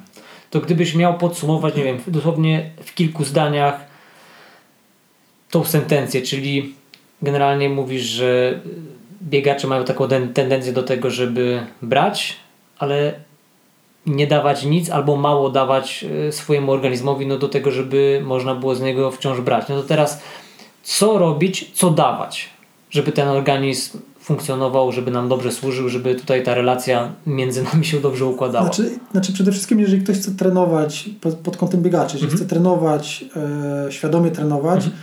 no to ten trening musi być odpowiedni dla niego. Mhm. Czyli jeżeli mówię, przez 30 lat swojego życia nic nie robiłem e, aktywnie, no to, e, to ultra powinienem od, odłożyć w czasie. Ja wiem, że jest ta pokusa, że chcę, bo kolega, bo ktoś coś i tak dalej, tak. no ale to, to tak się nie da, bo, bo na dłuższą metę to dobrze się nie skończy. Czyli co? Rozsądek. Rozsądek, czyli powoli, mhm. stopnia, stopniowo, żeby to nie było na zasadzie, że nic nie robiłem i chcę biegać ultra po 100 km. Mhm. E, ciało musi się przyzwyczaić i, i tak pewnie e, Twoja trenerka e, też pewnie zwraca na to nieraz uwagę, że te cele mamy mieć długofalowe, tak, a, nie, a nie żeby biegać tylko przez powiedzmy, nie wiem, rok czasu, wystartować w 8 ultra po 100 km i, i, i, później nie móc nic zrobić, bo, bo nie dam rady, bo powiedzmy, nie wiem, uszkodzę kolano, staw skokowy, czy jakieś tam inne dolegliwości się pojawią. No i tutaj, tutaj kwestia, czego my chcemy. Mhm. Także na pewno zdrowy rozsądek i trenowanie e, według jakiegoś konkretnego planu, mhm. e, żeby to miało ręce i nogi, żeby to się przekładało na jakiś tam e, fan, ale żeby to było poukładane i było z głową. Czyli znowu nie codziennie, nie za dużo i nie za szybko. Powoli. I adekwatnie do poziomu, na którym jesteśmy, no poziomu tak, naszych no, możliwości. Jak najbardziej, mhm. bo to, tutaj nie możemy się równać do kogoś, kto trenuje 20 lat. E, no ale tutaj jest taka pokusa, zwłaszcza w, w dobie wiesz, tych, tych, całych social media, wiesz, ludzie wrzucają treningi, nie? I, i wiesz, i ktoś, kto, tak jak mówisz, biega 5 albo 10, od, od 5 bądź 10 lat, ja zaczynam biegać, no ale widzę go, inspiruję się nim, więc chcę biegać tak jak on, więc co robię? Biegam takie treningi jak on biega. No i to jest y, najprostsza droga do tego, żeby ale wiesz, ale to jest tak samo, nie biegać. Tak samo koniec końców. Przez pryzmat y, samego siebie, czy pewnie ty tak samo jakbyś wrócił tam pamięcią do, mhm. do początków, to, to każdy z nas takie błędy popełnił, mhm. nie? tylko kwestia jest tego, czy e, brniemy w nie dalej. Czy się uczymy na błędach? No dokładnie, czy wyciągamy jakieś wnioski, mhm. próbujemy coś zmienić. Mhm. No, bo, bo ja też miałem takie momenty, gdzie, gdzie wymyślaliśmy sobie start w jakichś zawodach i, i, i jechaliśmy na nie, jak teraz sobie o tym pomyślę, to to nie było to rozsądne. I tak mhm. samo u Ciebie pewnie też tak było. Czy powiedzmy łojenie pionów, jak to było tak. wcześniej podczas trenowania. E, no takie, takie rzeczy są, tylko właśnie kwestia znowu, kiedy e, wyciągniemy jakieś wnioski mhm. i czy wprowadzimy jakieś zmiany. Mhm. No dobra, czyli mamy tak, zdrowy rozsądek. Fajnie, żeby ten trening był adek adekwatny i ułożony pod nas. Plus, co do tego byśmy dodali? Świadome jedzenie. No, odżywianie. Regenerację, się. tak. Ja, ja to lubię nazywać odżywianiem, Odżywianie. Bo, bo chcemy odżywiać swój organizm, tak. żeby dać mu optymalne składniki odżywcze, żeby on mógł lepiej... No żeby on był odżywiony, to jest rzeczywiście fajne słowo. No ja odżywiony. właśnie ja kiedyś to usłyszałem tak i bardzo mi się spodobało i bardzo lubię, lubię to słowo. Odżywianie. Mhm. Czyli nie jedzenie, mhm. tylko odżywianie. Bo jedzenie to mi się kojarzy z takim po prostu no, jemy, żeby... Konsumpcja. Tak, tak. żeby nie być głodnym, tak. chcemy zjeść i A temat chcemy odżywić. A my chcemy odżywić, mhm. żeby dostarczyć tych składników odżywczych. Nawet inne nastawienie od razu. No dokładnie, ja też tak to odbieram. Żeby ten organizm nasz yy, miał E, te substancje, które mu są potrzebne. Miał tą bazę, z której później może czerpać. Tak. A druga sprawa jeszcze organizm, który jest eksploatowany w taki sposób. Mhm. E, bo co innego e, pan Kowalski, który powiedzmy, nie wiem, nie ma jakiejś aktywności fizycznej, powiedzmy spaceruje, idzie, całkiem to inaczej musi wyglądać niż osoby, która powiedzmy trenuje 7 razy w tygodniu, robi intensywne treningi. E... No to już dieta 2000 kalorii to nie bardzo. No nie bardzo, no nie bardzo. Także tutaj znowu kwestia, co, czym się odżywiamy, mhm. no i, i w jakich ilościach. Także tutaj musi być to, to też jakby kolejne Czyli też jakość i ilość, ilość. tego pożywienia. No tak, no, tak. organizm musi z czegoś czerpać tą energię i... Co byśmy dalej poszli? Regeneracja, regeneracja czyli sen? Regeneracja. Sen? No sen, odpoczynek. Y, regeneracja może przyjmować różne formy, bo to może być inna aktywność tak. Y, o mniejszej intensywności. Drenaż. E, dokładnie, może być drenaż limfatyczny czy, czy podciśnieniowy. Mhm. E, no bas, basen. Cała gama. E, czy można pójść do fizjoterapeuty? Kąpiele solankowe. Solankowe, no tego jest naprawdę mhm. dużo. Dalej, sprawdzamy na sobie, mhm. ewentualnie mamy kogoś, z kim możemy na ten temat porozmawiać, wdrażamy pewne rzeczy i obserwujemy, co się zmienia. Mhm. Bo powiedzmy, coś będzie mi odpowiadało i będzie przynosiło pozytywny efekt, druga rzecz w ogóle się nie będzie sprawdzała. Ja muszę zobaczyć, yy, co u mnie się sprawdza, co przynosi ten pozytywny efekt, bo znowu, to ta świadomość, czyli znowu zwracanie uwagi, nie tylko, że ok, w książce piszę, robię to i to i to, e, ten powiedział to i to i to, to ja też tak będę robił. Zresztą nie wiem, czy pamiętasz, ale kiedyś zasugerowałeś mi, żebym robił taki zestaw do rozciągania, pamiętasz? Mhm. Ja to tam aplikowałem dosyć sumiennie, nie wiem, przez jakiś miesiąc, no i okazało się, że nie przyniosło to żadnego, no żadnego rezultatu, poza tym, że no, było czaso, czasochłonne. Chłonne. Tak? Znaczy wiesz, to jest, to jest dalej. Yy powinno to przynieść efekt. Tak, ale w moim przypadku. No nie przyniosło. Z drugiej strony możemy się zastanowić, czy akurat zmiana przed, nie wiem, tych ćwiczeń, e, nie wiem, sprawdzenie, czy pacjent wykonuje to czy, czy sportowiec wykonuje to prawidłowo. Mhm. No bo czasami też tak się zdarza, mhm. że, że jak weryfikuje pewne rzeczy, które zadaliśmy pacjentowi, przećwiczyliśmy w gabinecie, pacjent trafia do domu i okazuje się, I tak że... robi po swojemu. I tak robi po swojemu, mhm. albo zapomniał i, i chociaż zawsze też mówię, że jakby miał z czymś problem, niech dzwoni, pisze, mhm. e, to, to żeby po prostu tego czasu nie marnować, tylko robić to prawidłowo, e, no to robi to po swojemu, no i się okazuje, że to też nie może nie przynosić efektu. Także my zawsze musimy zweryfikować, ale też się może zdarzyć tak, że pomimo tego, że założyliśmy, że to powinno dać efekt, tego efektu nie, nie przynosi. No i kwestia znowu zastanowienia się dlaczego, czyli znowu spróbowanie czegoś innego, e, albo po prostu zadziałania w inny sposób, żeby, żeby ten efekt uzyskać. Tak teraz pomyślałem, że fajnym przykładem jest Paweł Żuk, znany również jako asfaltowy chłopak. No to jest gość, który no, biega no, kosmiczne objętości. Tam tygodniowo to nie wiem, z 500-600 km potrafi chyba zrobić. E, zresztą nie wiem, nie tak dawno brał udział w biegu na 5000 km, jeśli dobrze pamiętam, zajął drugie miejsce. No, no gość jest w ogóle kosmitą, tak? I no i z tego co wiem, to on nie roluje się i nie rozciąga i mówi, dzięki temu ma ten zaoszczędzony czas, no to wykorzystuje właśnie na ćwiczenia siłowe na siłowni i tak dalej. No ale to wciąż to jest jakiś konkretny przypadek, który wcale nie musi być regułą, tylko jakimś tam wyjątkiem od reguły, która też wcale nie musi być regułą y, pokrywającą się z, ze wszystkimi innymi z przypadkami. Uta, tak. utartym, utartą ścieżką. Utartym schatem, bo to fajnie pokazuje, że tak naprawdę wszyscy jesteśmy E, indywidualnościami i tak naprawdę to, jak nasze organizmy mogą e, reagować na pewne ćwiczenia albo na ich brak, no to wynika tak naprawdę właśnie z tych lat tego, jak ten organizm się rozwijał, jak, jak wzrastał, tak?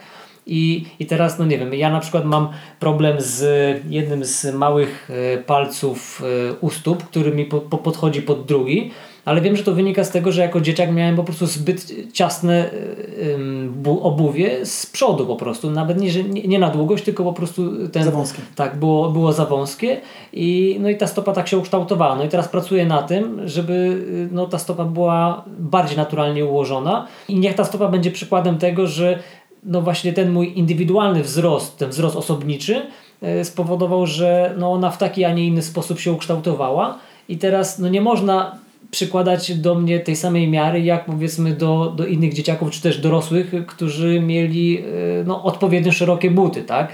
Więc no, to jest bardzo jednak spersonalizowana sprawa i myślę, że właśnie wasza praca fizjoterapeutów no, jest e, taką, która wymyka się ze wszystkich e, jakichś tam szablonów, jakichś standardów i, i wy za każdym razem jak trafia do was pacjent, to musicie spojrzeć na niego świeżym, E, obiektywnym na tyle, tyle ile się da okiem, e, z, takim, z takiego ujęcia holistycznego.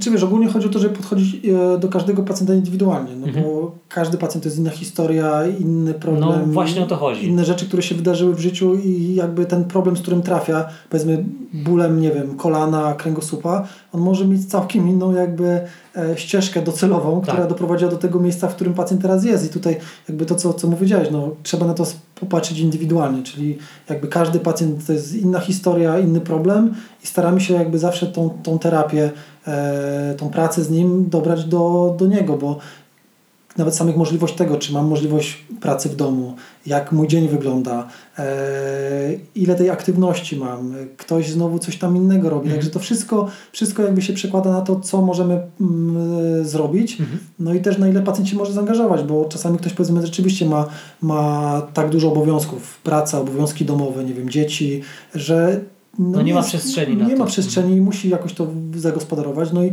i chcemy znaleźć to najlepsze, e, jakby to naj, najlepsze rozwiązanie dla niego, żeby on mógł zrealizować e, czy pracować nad tym swoim problemem. Mhm. No to teraz wracając do tej kwestii tak zwanego naturalnego biegania, e, tego zero dropu i teraz jak Ty to widzisz w ujęciu powiedzmy raz jako biegacz i dwa jako fizjoterapeuta? Czy jest jakaś rzeczywiście tendencja taka e, z punktu widzenia nauki, czy też właśnie fizjoterapii, że to tak zwane bieganie naturalne, czyli z przodostopia, ono rzeczywiście jest bardziej naturalne niż y, ta druga szkoła, która mówi, że no, należy lądować na pięty, proces przetaczania i tak dalej. I teraz jak Ty się do tego odnosisz właśnie od takiej strony y, fizjonomii i, i, i tych obciążeń i tego rzeczywiście jak to może wpływać na organizm? Znaczy wiesz, to jest kwestia z, znowu... E, to słowo naturalne. Mhm. Co jest dla kogo naturalne? No, no właśnie. Pytanie znowu, czy jesteśmy amatorami, czy zawodowcami? Mhm. Czy biegamy wolno, czy biegamy szybko? To wszystko będzie Zbyt miało dużo zmiennych, żeby znowu, wydać je... jeden osąd tak, i powiedzieć tak, no bo to jest znowu kwestia, do kogo się to odnosi. Mhm. E, patrząc na przykład przez pryzmat Ciebie, e, to Twój organizm jest tak do tego przyzwyczajony i tak funkcjonuje, że dla Ciebie nienaturalne byłoby bieganie inaczej. Mhm. E, po pierwsze, mógłbyś się nabawić jakiejś tam kontuzji, e, mógłbyś zacząć mieć jakieś tam problemy, bo znowu byś wymuszał na sobie w pewien sposób nienaturalną, nienaturalną pozycję, pozycję mhm. biegową, mhm. wymuszał pewną zmianę mhm. i co to miałoby na celu przynieść. Mhm. Dlatego też często się ktoś mnie pyta, e, jak mam biegać. Mhm. No jeżeli to jest osoba, która zaczyna tak naprawdę, no to, to naturalnie, czyli normalnie, tak jak twoje ciało się porusza mhm. i tutaj wprowadzanie jakichś zmian takich ostrych, że ok, ktoś powie Ci, że masz biegać tak i tak, e, boso i no w ogóle, tak, albo, tak. albo z, przejść na zero-dropowe obuwie, to tak naprawdę może spowodować właśnie wystąpienie jakiejś kontuzji, mhm. no, bo, no bo tutaj za dużo zmiennych jest i tutaj tak się na, naprawdę u osób amatoru, amatorów, którzy zaczynają biegać, e, którzy nawet zaczynają biegać już tam biegi, biegi dłuższe, to co ta zmiana ma przynieść? Mhm. No bo ktoś powie, ostatnio miałem pacjenta, który e, wymyślił sobie, że będzie biegał sobie w butach e, zerodropowych. Mhm. No i on się pyta, bo akurat trafił z problemami z mięśniami, łyd, problemami z mięśniami no tak. łydek. No i ja mówię, że no prawdopodobnie za szybko e, nie przyzwyczaił swojego organizmu, od razu chciał biegać jakieś, jakieś e, dłuższe dystanse, no i to ciało też się musi przyzwyczaić, ta, ta tkanka też się musi przyzwyczaić, żeby przenosić takie obciążenia. A co innego jakbyśmy biegali, nie wiem, setki, dwusetki, czterysetki na stadionie, siłą naturalną będziemy biegać z przodu stopia, bo większa prędkość i będziemy, no, będziemy... Trudno będzie inaczej tak no, naprawdę. inaczej biegać, mm -hmm. bo to też jest związane z tą prędkością, którą mm -hmm. rozwijamy podczas biegu. Ale z drugiej strony wymuszanie tego, bo ja sobie założyłem koncepcję, że będę biegał, no raczej rozsądnym nie jest I, i z moich obserwacji wynika, że, że zawsze to się kończy, kończy kiepsko, tym bardziej, jeżeli ktoś chce znowu zrobić to tu i teraz i, i nie dać temu czasu -hmm. jakby i zaobserwować nawet czy, czy będzie mi to służyło. Mhm. No bo to też jest jakby pewna rzecz taka, na którą musimy zwrócić uwagę. Ja na przykład pamiętam, jak, jak zacząłem biegać i, i dochodziłem do pewnego kilometrażu i taki kilometraż w granicach 60-70 km był dla mnie optymalny. Wiedziałem, że jakbym zwiększył o te 10, 15, 20 km, to już będzie kiepsko. Mhm. Moje ciało nie było w stanie przyjąć takich obciążeń, a znam osoby, które biegają e, setkę, ponad setkę tygodniowo. tygodniowo i powiedzmy nic się nie dzieje. Oni też jakby tak jak przed chwilą rozmawiali, nie robią nic takiego nadzwyczajnego, nie chodzą do fizjoterapeuty, nie, nie rozciągają, rozciągają nie się i tak dalej, ale u nich to działa. To jest dana osoba, dany przypadek. I, i tak jak też wspominałeś na początku, że ktoś yy, obserwuje kogoś w internecie, czy na Facebooku, czy Instagramie i próbuje się wzorować no to też jest taka, taka niezbyt dobra droga, bo, bo mówię, no, to jest tyle zależnych w tym czasie, mhm. że, że tutaj, tutaj tak naprawdę no, może to się źle skończyć, jeżeli ktoś rzeczywiście tylko skupia się na tym, że ok, on biega dwudziestki, to ja też będę biegał, biegał dwudziestki. E, tak samo kiedyś mnie zastanawiało e, pod kątem e, Rafała Kota, który, którego tam obserwuję na Facebooku i, i patrzę na jego jednostki treningowe. E, mówię, to jest dalej pewien, e, pewna osoba, która trenuje w taki sposób, ok, jeżeli to jej przynosi efekty, trenuje bez kontuzji, mhm super. I jeszcze ile zależnych na to ma wpływ, czy chodzi do fizjoterapeuty, no, co, co robi poza tym bieganiem, no. które widzimy tylko powiedzmy w jakimś tam wycinku, tak. ile się rozciąga, jak się odżywia, ile śpi, ile śpi e, jakie inne formy regeneracji wprowadza, to jest tyle zależne, dużo zmiennych. że tutaj nie możemy się sugerować tylko tym, że okej. Okay, że teraz też będę biegał jak Rafał y, półmaraton, półmaraton tak. codziennie po 4.04 no tak. i raz, że będę miał takie same wyniki jak on i dwa, takie końskie zdrowie, nie? No tak, ale to jest jeszcze pytanie, e, Rafał zaczął biegać od pewnego momentu swojego życia, mhm. a co robił do, tego, do tej pory? Mógł być osobą aktywną, uprawiać sport, mógł, e, nie wiem, jakieś tam inne to, rzeczy robić, które jakby też budowały jego wydolność i tą wytrzymałość, którą na przykład teraz przekuwa akurat na bieganie. Ale tego, tego mówię, no, jeżeli ktoś na Rafała wie, okej, okay, to, to, to, mhm. to, no to można jakoś do tego podejść w inny sposób, ale, ale jeżeli ktoś nie wie, tylko opiera się na tym, co widzi w internecie, to, to raczej, raczej w dobrym kierunku to nie prowadzi. I znów wracamy, wracamy do takiej tendencji e, tego efektu instant i nie patrzenia na to, na, na miejsce, w którym jesteśmy e, z perspektywy tego, co niesiemy za sobą, tak? Właśnie nie patrzymy na ten bagaż, który tam gdzieś nam zalega na plecach, widzimy tylko jakiś urywek rzeczywistości, jakiś wycinek, który jest przed nami i to ten taki w najbliższych, najlepiej 5-10 minutach, tak, żebyśmy wiesz, zrobili Mistrzostwo Świata, e, a, a nie patrzymy wiesz, z perspektywy 5, 10, 15 lat, wiedząc co było wcześniej, tak? I no dopiero... tak, bo to, bo to tak naprawdę powinna być składowa tego, co jest tu i teraz, powinno być składową tego, co jest tu i teraz. Czyli tych trzech, tak? Tego, co było tak. kiedyś i tego, co chcemy zrobić w tak, przyszłości. No, no, tutaj nie da się tak. No, Można no. próbować oszukać system, tylko że no system... No okej, okay, no czasami, czasami ktoś może na jakiś czas oszukać, ale z doświadczenia wiem, że to się upomni. zawsze upomni. No. E, dług zaciągnięty zawsze musi zostać spłacony i, I tylko kwestia w jakiej formie. No, czy to będzie e, bolesna, boles, bolesna sytuacja, która, która się skończy tym, że na przykład nie będziemy musieli z czegoś zrezygnować, czy powiedzmy się zostaniemy powiedzmy skarceni w taki sposób łagodny, gdzie, gdzie powiedzmy po pewnym czasie jest w porządku i możemy dalej funkcjonować. Także tutaj, no tak jak mówisz, no kwestia co my chcemy robić mhm. z perspektywie czasu, no i tego właśnie znowu, świadomego podejścia do tego. No właśnie miałem to powiedzieć, jak... że to rozbija się wciąż o tą nieszczęsną świadomość albo szczęsną. No tak, tak, ale to, to, to co ja zauważam u Ciebie na przykład, właśnie mhm. tą, tą świadomość tego, co chcemy robić, jak mhm. żyjemy, żeby osiągać te cele, które są, są w przyszłości. E, bo... I to nie są cele w przyszłości za miesiąc, za dwa, tylko za pięć lat. No tak, ale, Bardzo to, często. ale to, to wiesz, to, to, nie jest plan, że tak się stanie. Okay? Ja sobie zakładam, to, to bym jest... chciał zrobić, to bym chciał zrobić. Tylko... Ale co się wydarzy po drodze do tego planu no bo to nie jest, w realizacji? To nie jesteśmy jednostką zawieszoną tu i teraz jako jedyną, gdzie nic na nas nie wpływa. Bo równie dobrze mogę iść, nie wiem, z bułkami ze sklepu, skręcić kostkę i już chodzę tak staw skokowy, że na przykład nie będę mógł biegać. Mhm no tak się może zdarzyć. To niekoniecznie już będzie zależne ode mnie, bo na przykład ktoś nie odśnieżył e, podjazdu, podjazdu albo... albo... nie wiem, hmm. ktoś mnie potrąci, albo coś innego się wydarzy. Tego, tego naprawdę nie wiemy. No niestety wiele czynników na nas wpływa i na nie wszystkie mamy wpływ. No ale, ale jakby patrzenie z perspektywy do przodu jest potrzebne, no, żeby do czegoś dążyć. No, musimy mieć to tak samo jak ja jeżdżę na szkolenia, żeby być lepszym, żeby starać się efektywniej pracować w gabinecie, żeby mieć lepsze efekty e, i pomagać moim pacjentom, no to też to właśnie w temu służy. Że... No tak, ale, ale w tym samym czasie jesteś osadzony w teraźniejszości, no tak, ja... która też wynika z przeszłości, tak? No tak, no, to, tak to jest. No.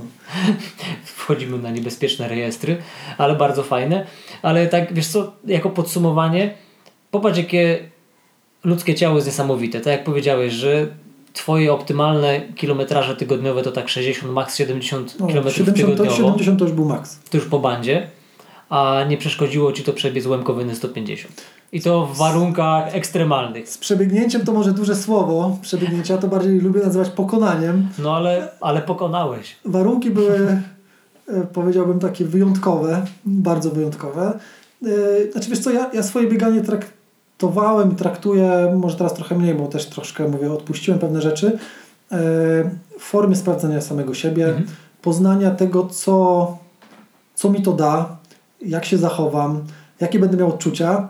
E, a teraz e, z perspektywy czasu patrzę na to na super wspomnienia, mhm. bo oprócz tego, że coś przeżyłem i doświadczyłem, to jeszcze poznałem super ludzi, tak na przykład my, myśmy się poznali. No tak, no gdyby, nie, gdyby nie bieganie, to byśmy, bieganie. to byśmy teraz pewnie tutaj nie siedzieli. No tak, no przy okazji ultramaratonu podkarpackiego e, jakoś tak się wydarzyło, że, ale, że spotkaliśmy się. Ale to ciekawe, bo generalnie ten, to, był, to był debiut ultramaratonu podkarpackiego. Tak, to był mój debiut. I, i, mój, I mój właściwie to miał być mój debiut, ale tak jakoś los sprawił, że dwa, dni, że dwa tygodnie wcześniej debiutowałem na Węgrzech i, i dopiero właśnie no, to był mój drugi bieg, ale tak naprawdę debiut, też jakby nie patrzeć, ale mm, że ten rok 2014, bo to był chyba tak, tak 2014, to y, ja widzę, że bardzo dużo osób właśnie w tym roku de, akurat debiutowało w Ultra. Naprawdę to był jakiś taki wysyp, bo full, full znajomy, który gdzieś tam mam wciąż, to, to właśnie z, wtedy, wtedy zaczynali swoją przygodę w, w Ultra.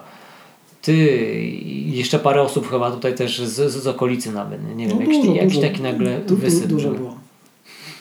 Ale ta, taki rok. Ale, ale tak jak mówisz, no, wtedy, wtedy się zaczęła gdzieś tam nazwijmy ta biegowa przygoda, no i dzięki temu poznaliśmy siebie, no i też mnóstwo naprawdę fajnych ludzi, no i te przyjaźnie znajomości tak, one cały gdzieś, gdzieś są. Cały, cały, cały gdzieś są, tak? Ja, dokładnie, dokładnie. No, to, to tak właśnie ja z, z perspektywy czasu właśnie patrzę ten, przez ten pryzmat, że ile, e, ile doświadczeń, ile, ile przeżyć i właśnie tych poznanych ludzi, którzy, którzy cały, cały czas gdzieś tam się przebijają, z którymi się spotykamy, rozmawiamy, e, czy nawet byliśmy ostatnio, ostatnio z Łukaszem pobiegać po, e, po niebieskim szlaku e, tam w stronę, w stronę rezerwatu Herby mhm. i spotkaliśmy na przykład Roberta Koraba, Koraba.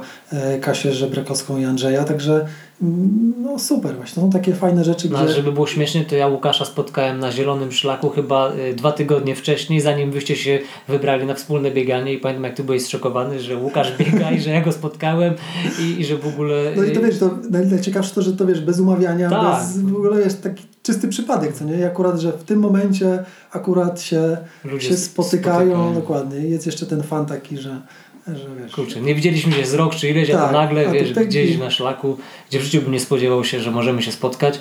No dokładnie. E, nagle, nagle się widzimy i, i razem działamy. Dobra Tomku, y, bardzo serdecznie dziękuję Tobie za rozmowę, bo podejrzewam, że moglibyśmy tak ciągnąć i ciągnąć, bo jesteś naprawdę skarbnicą y, niewyczerpaną ciekawych tematów, bo myślę o samych przypadkach, które trafiają Ci się na kozetce. Mógłbyś pewnie parę, parę ładnych odcinków, parę ładnych godzin tutaj pociągnąć. E, ale myślę, że z tego spotkania, z tej rozmowy popłynie dużo inspiracji dla naszych słuchaczy i, i takiego większego docenienia dla zawodu fizjoterapeuty.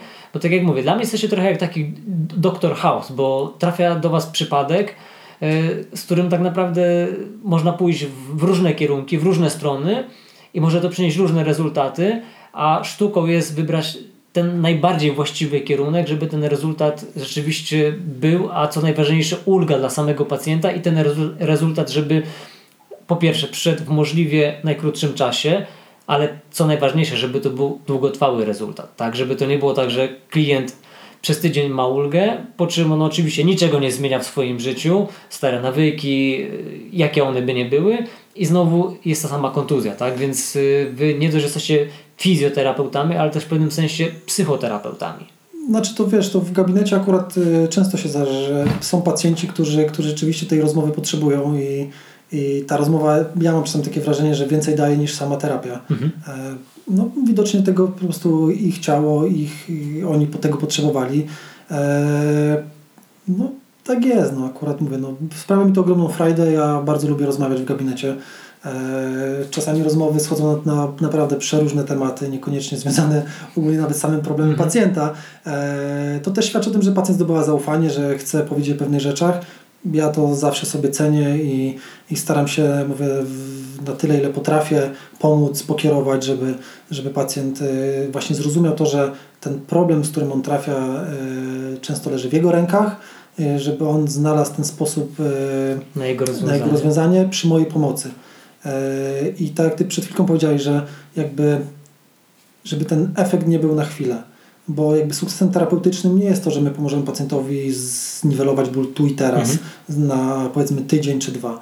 Dla mnie sukcesem terapeutycznym jest to, że pacjent mnie spotyka za pół roku, rok, e, za dwa lata i mówi, że od tamtego czasu czuję się lepiej, e, od tamtego czasu nie mam tych dolegliwości albo potrafię sobie z nimi poradzić sam, bo Pan mi podpowiedział, czy podpowiedziałeś mi, zrób to tak, zrób to tak, mhm. i ja zacząłem to wdrażać i to zaczęło funkcjonować.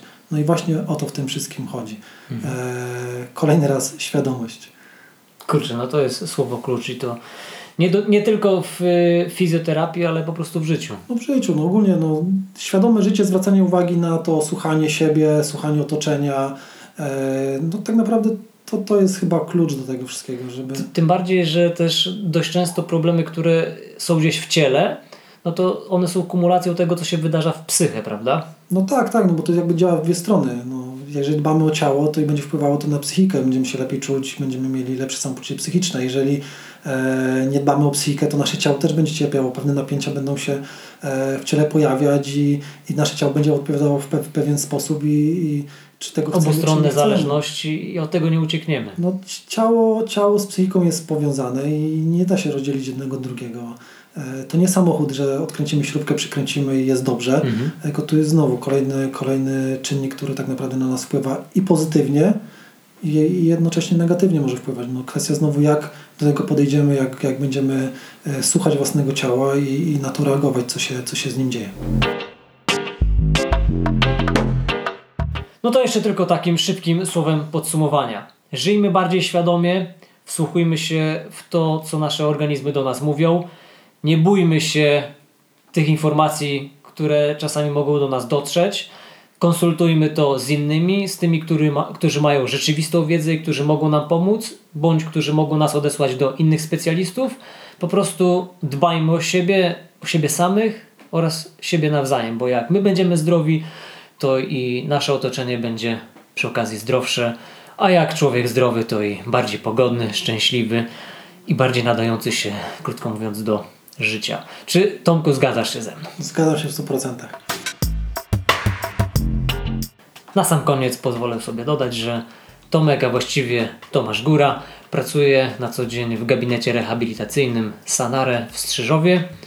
I gdybyście mieli kiedykolwiek czas, chęci, to serdecznie zapraszam do wizytacji u Tomka na Kozetce. Oczywiście wcześniej polecam zadzwonić, sprawdzić terminy, zapisać się. Link do gabinetu znajdziecie w opisie do tego odcinka, ale zanim całkowicie znikniemy z anteny, Tomasz jeszcze powie dwa albo trzy zdania. Ja chciałem bardzo Ci podziękować za to zaproszenie, było mi niezmiernie miło e, z Tobą się kolejny raz spotkać i porozmawiać e, u Ciebie, nie u mnie. E, ogólnie nie życzę nikomu, żeby musiał korzystać z moich usług czy z usług fizjoterapeutycznych, ale pamiętajcie o tym, że dbanie o naszą ruchu E, to tak jak Gniewko powiedział, e, taka higiena narządu ruchu jest e, tą rzeczą, która pomoże Wam lepiej funkcjonować, mieć więcej frajdy z uprawiania aktywności sportowej i mam nadzieję, że korzystania, korzystania z tego w jak najdłuższej perspektywie czasu w zdrowiu, właśnie z tym fanem, z tą radością, która, która ma tak naprawdę z tego płynąć. Także ja Wam dziękuję bardzo za, za wysłuchanie naszej rozmowy i, i mam nadzieję, że do zobaczenia niekoniecznie w gabinecie, lepiej gdzieś na szlaku czy, czy, czy na jakichś zawodach. Pięknie. I z tym podsumowaniem, gdyby Tomek zapytał Gniewomirze, czy zgadzasz się? Odpowiedziałbym bez namysłu, tak, oczywiście. Więc pamiętajcie, bez względu na to, czy łupiecie tygodniowo 20-50 km czy 200, odwiedźcie raz na jakiś czas znajomego fizjoterapeutę bądź fizjoterapeutkę. Dajcie im zarobić, dajcie sobie odpowiednią uwagę swojemu ciału, swojemu organizmowi. Po prostu krótko mówiąc, dbajcie o siebie. Dzięki wielkie, buziaczki, cześć i... Cześć. Tradycyjnie już wielkie dzięki za odsłuchanie tego epizodu podcastu Gniewomir in Myśl Jezy Biegaj. Również serdeczne dzięki za polecanie tej audycji w social media, mówienie o niej swoim znajomym, dzieleniu się tym, czym ja się z Wami dzielę, ponieważ jak to zwykle mówić za swoim nauczycielem, giving is getting. When you give, you grow. When you take, you owe. Więc dzielmy się tym, co dobre z innymi i z naszym otoczeniem. Jeszcze raz wielkie dzięki. Aloha, pura vida. Słyszałem to E, Bieszczadzki Bart. Tak, dokładnie. No i później, że mi się właśnie z Łukaszem wchodziliśmy do odebrać pakieta, ty wychodziłeś za paczem i wtedy, wtedy, wtedy ja zagadałem. Widzisz, tego akurat momentu nie pamiętam. No. Na pewno pamiętam naszą pierwszą rozmowę na e, biegu rzeźnika. Ja no. wtedy nie biegłem, wyście biegli. Tak, no ja wtedy nawet zdjęcia ostatnio oglądałem, co nie? Mamy jeszcze ty z długimi włosami. Tak. I, I, dla mnie to był pamiętny rzeźnik z tego względu, że wtedy się umówiliśmy, że spotkamy się, ale na kozetce u ciebie. A no tak. A no tak. No bo ja wtedy też nie biegłem, bo, bo wtedy bo cały czas się bujałem z tym e, przyczepem bodajże. Z pasmem biodro, e, tak, z pasmem. No, no bo to z, no, z boku kolancy. No z tym przyczepem, tak. tak. No. I pamiętam, że ten, wtedy myśmy tam stali na stadionie, znaczy na tym, na tym na Orliku, no. tak, z Pawłem Wnękiem, z, ze Zbyszkiem i, i, i, i ty za mną byłeś. I. Tak, to był 2.15 chyba. To było tam. No. Tak, trochę później chyba bo to była ostatnia edycja tego potem, bo ty z, później z, z Erwinem biegłeś tą już, już po tej nowej trasie, po tej tak. nowej trasie, no to później drugi raz żeśmy biegli tak samo my, co nie?